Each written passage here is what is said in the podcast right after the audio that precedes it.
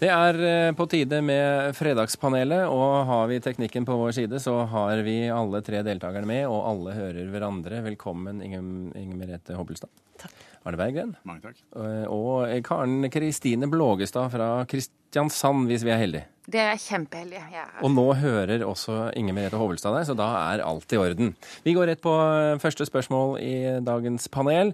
Denne uken bestemte bystyret i Oslo kommune at de vil legge Oslo kino ut for salg. En eh, nærmest unison filmbransje protesterer og mener at dette er slutten på verdens beste kinosystem. Spørsmålet til dere i dag er er det så nøye? Karen Kristine, Ja. Inger Merete, ja. Arne Bergen. Kjempeja. Kjempeja! Da begynner vi i Kristiansand. Hvorfor er du opptatt av dette der nede, Karen Kristine? Her nede? Vi ser jo Der film her også. Ja. ja, men det er liksom nedenfor Oslo kommune, og ikke en del av Oslo kommune ennå, i hvert fall. Vi er altså så mye nærmere kontinentet enn det Oslo er. Men eh, jeg er opptatt av dette fordi at jeg er redd for smitteeffekten dette kan ha. Så dette er utrolig toneangivende for hvordan resten av Kino-Norge oppfører seg.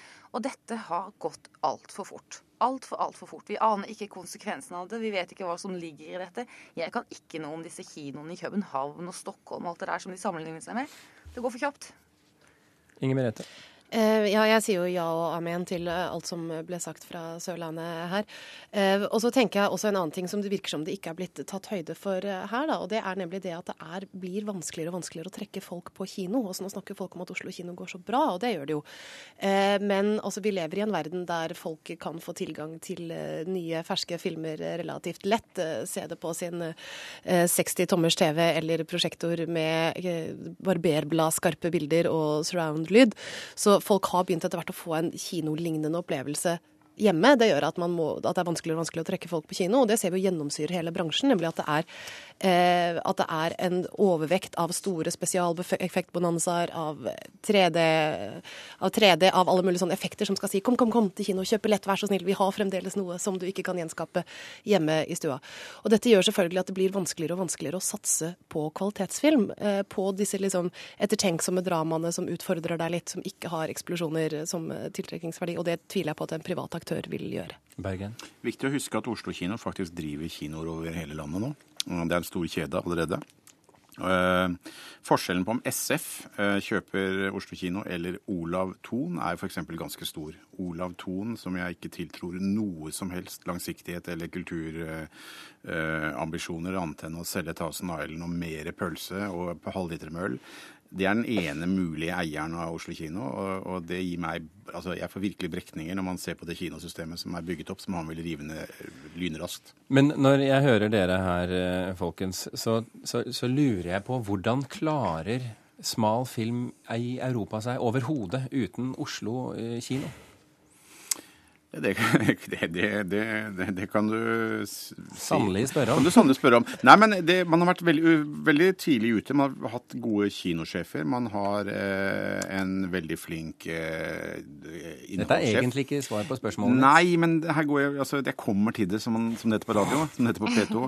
Nei, øh, man er jo et forbilde for, for de andre landene men man faktisk har, og hva man distribuerer av film i Oslo. Det er en spennende over hele landet, og det er en spennende periode nå faktisk med at digitaliseringen av kino gjør at man trenger ikke å kjøre den samme filmen i tre uker. Man kan jobbe mye mer nisjeorientert, man kan programmere forskjellig fra dag til dag.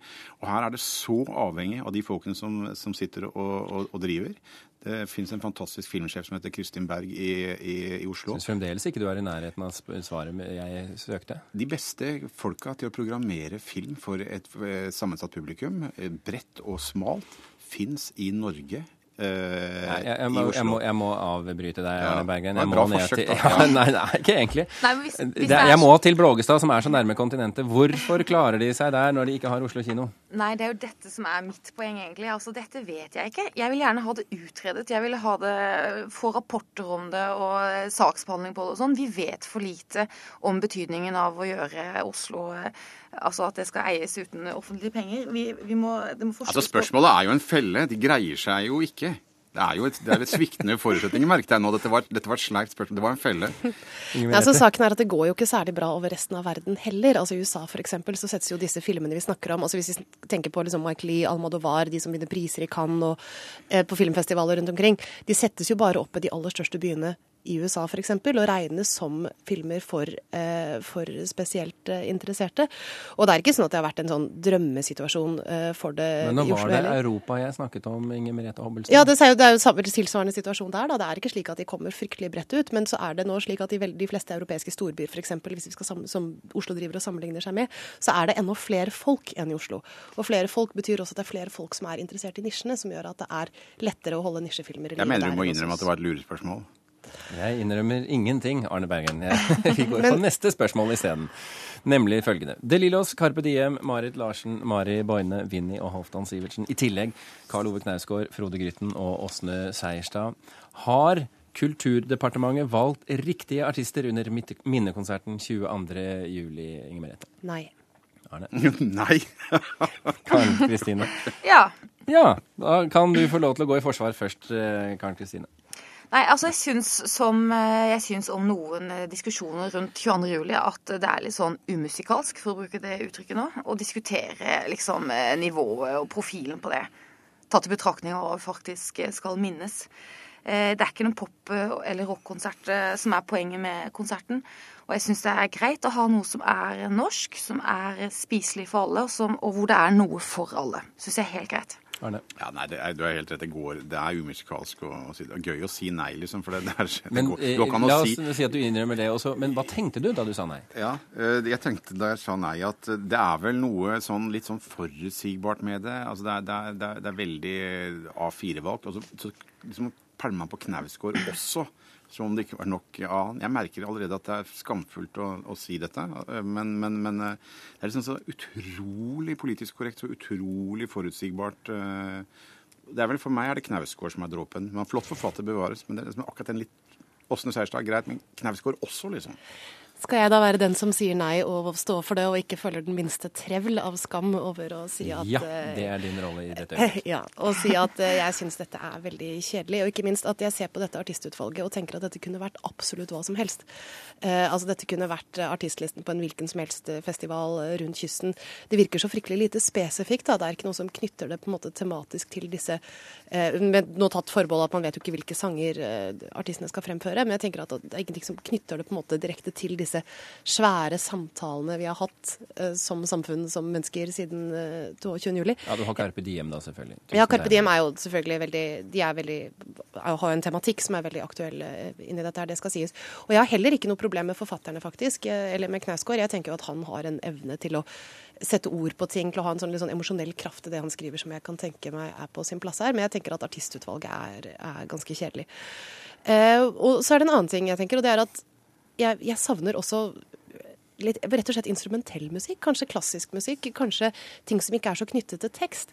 Eh, for det er klart at dette er jo en hendelse som har vakt store, sammensatte følelser i mange.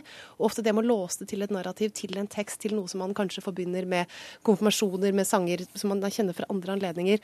At jeg husker som et av de mest kraftfulle øyeblikkene under minneseremonien i Oslo Spektrum, da de spilte den fra den eh, Mozart-klaverkonsert i A, den andanten derfra.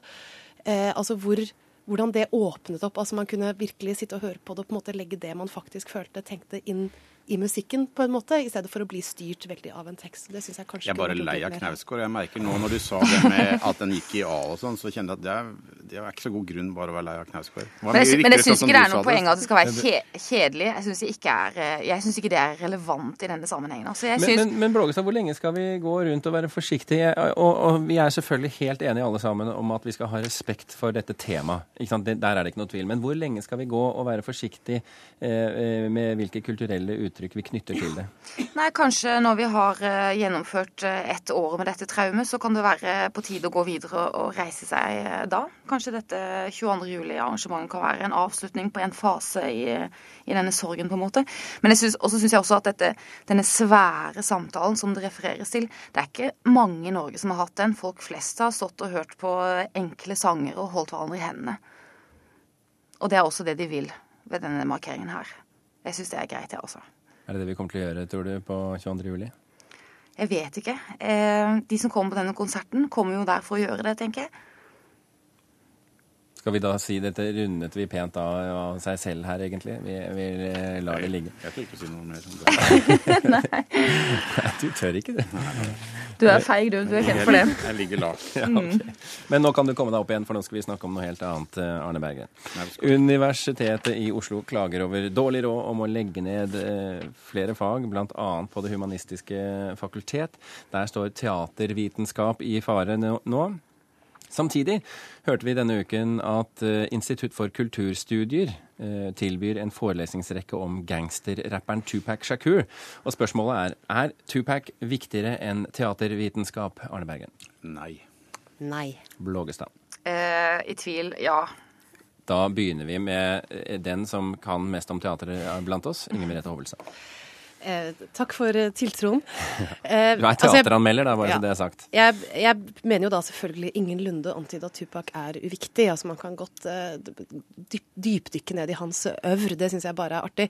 Jeg syns derimot det er fryktelig alvorlig at man legger ned teatervitenskap, og at det er slikt press på de andre fagene ved Det humanistiske fakultetet. Men det Dette henger jo ikke sammen, da. ikke sant? Vi legger ned et fag, men bruker penger på en forelesningsrekke som sikkert ikke koster like mye, men likevel.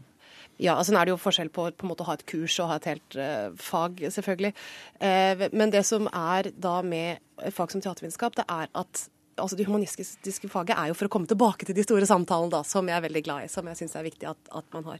Så er det veldig viktig at man har en institusjon i samfunnet som ikke er så svak for konjunkturer. altså Hvor man kan jobbe over tid, trekke linjer, videreformidle kunnskap eh, osv. Eh, som det kan gå litt i bølger i hvilken grad samfunnet er interessert i, men som er viktig å holde ved live. Og, holde i live. Og det du ser nå, er et universitet som er blitt altfor skjørt, altfor offer for disse svingningene, for trendsvingninger, for hva studentene vil ha osv. Resultatet er at viktig, grundig forskning går tapt, og det er eh, ikke bra i det hele tatt. Fy. Blågestad, du var i tvil. Ja, det er jo fordi at jeg syns det å forstå sin samtid er utrolig viktig. Og eh, Tupac er jo kjemperepresentant for eh, en virkelighet som vi trenger å analysere og ta et dykk i. Hans eh, livshistorie og hans bakgrunn er jo en ganske heftig film, altså. Men jeg er jo enig med alt det som sies om fakultetet ved Universitetet i Oslo. Det er ille at det er så skjørt, og det er ille at det er så nedleggelsestruet så ofte.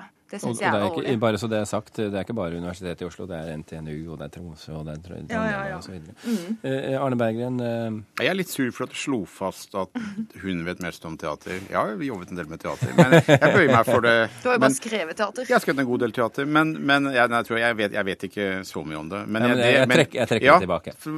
Litt forsiktig, liksom. Ja, men, men nei, men jeg- Tupac, jeg aner ikke. Jeg vet jo, jeg har sett, sett, øh, sett navnet hans noen ganger, og, og det, er, det, er veldig Han er sikkert veldig sentral, men jeg må si at Eh, Når det kommer til Aristoteles og dramaturgi og teatervitenskap og liksom essensen av det å fortelle eh, historier, eh, teatret, det klassiske, den klassiske dannelsen, så, så kan vi ikke få nok, eh, rett og slett. Altså. Og jeg mener at eh, ut fra jeg ser fra TV og spillefilm og teaterbransjen, så, så er det et akutt behov for mer enn klassisk eh, dannelse der. Så, sånn at jeg syns det er skandaløst. Det er rett og slett eh, veldig bekymringsverdig, for det undervises ikke veldig godt i dramaturgi f.eks. eller teatervitenskap noen steder egentlig i landet nå, så vidt jeg kan skjønne.